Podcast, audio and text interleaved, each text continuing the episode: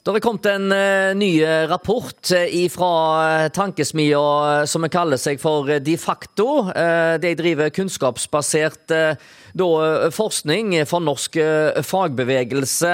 Og de slår nå fast i sin siste rapport at disse strømkablene til utlandet er hovedårsaken og må ta broparten av skylda for at vi har så høye strømpriser. Og så lenge vi ikke reforhandler de avtalene vi har med Europa når det gjelder de strømkablene, så vil vi ha vedvarende høye strømpriser i Norge, uansett hvor mye havvind eh, eller vannkraft eh, vi, vi produserer her eh, i, i, landet. Jeg har fått med meg Terje Halland, du sitter i miljø- og energikomiteen på, på Stortinget. Ja, er dere klar over situasjonen? Ja, Denne situasjonen har Fremskrittspartiet tatt opp flere ganger. Vi har òg fremmet forslag om å reforhandle avtalene. Se på hva handlingsrom vi har til å reforhandle avtalene, til å se på og få kartlagt hva konsekvenser det nå har hatt med at vi har økt kapasiteten på, på, eksport av kraft eh, ut av landet. Og, og, det som rapporten, Jeg har ikke lest rapporten, men, men uh, med, med, å se på de konklusjonene som rapporten har, så er det det samme som Fremskrittspartiet har sagt lenge. Vi må se på begrensninger når det gjelder uh, magasinfyllingene når vi er prester på, på magasinfyllinger som gjør at vi har lite eh, kraft tilgjengelig, så må vi kunne eh, tenke på eh, forsyningssikkerhet, på egen forsyningssikkerhet, som gjør at vi begrenser krafteksport.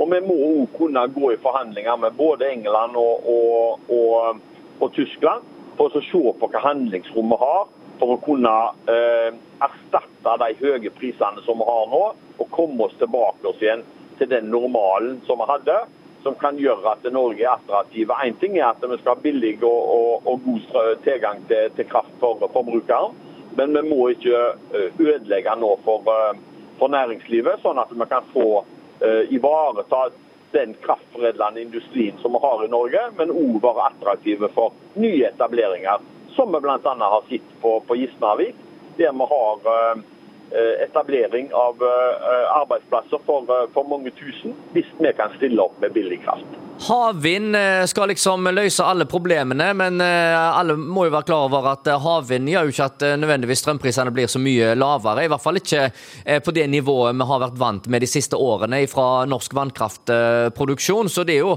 noe som en da må ta inn over seg. At OK, satser vi på havvind, så må vi gjøre regning med da generelt høyere strømpriser enn det vi har vært vant med de, de siste årene. Og det kommer vi heller ikke utenfor. Nei, og det har jo vært litt trist med den diskusjonen som har vært på Stortinget. For Fremskrittspartiet har jo hatt et ønske om å øke spesielt vannkraftproduksjonen på land. Der er det et, eh, fremdeles et stort potensial som, eh, som ikke blir tenta ut. Men uansett hva diskusjonen går på Stortinget, uansett hva spørsmålet har vært, så har hele tida svaret vært havvind.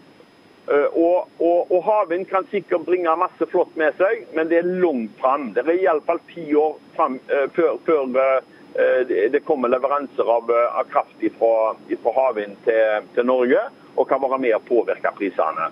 Og Sånn som prissystemet fungerer i dag, så er det tross alt dobbelt så dyrt å, å, å produsere havvind som det er å produsere kraft på land.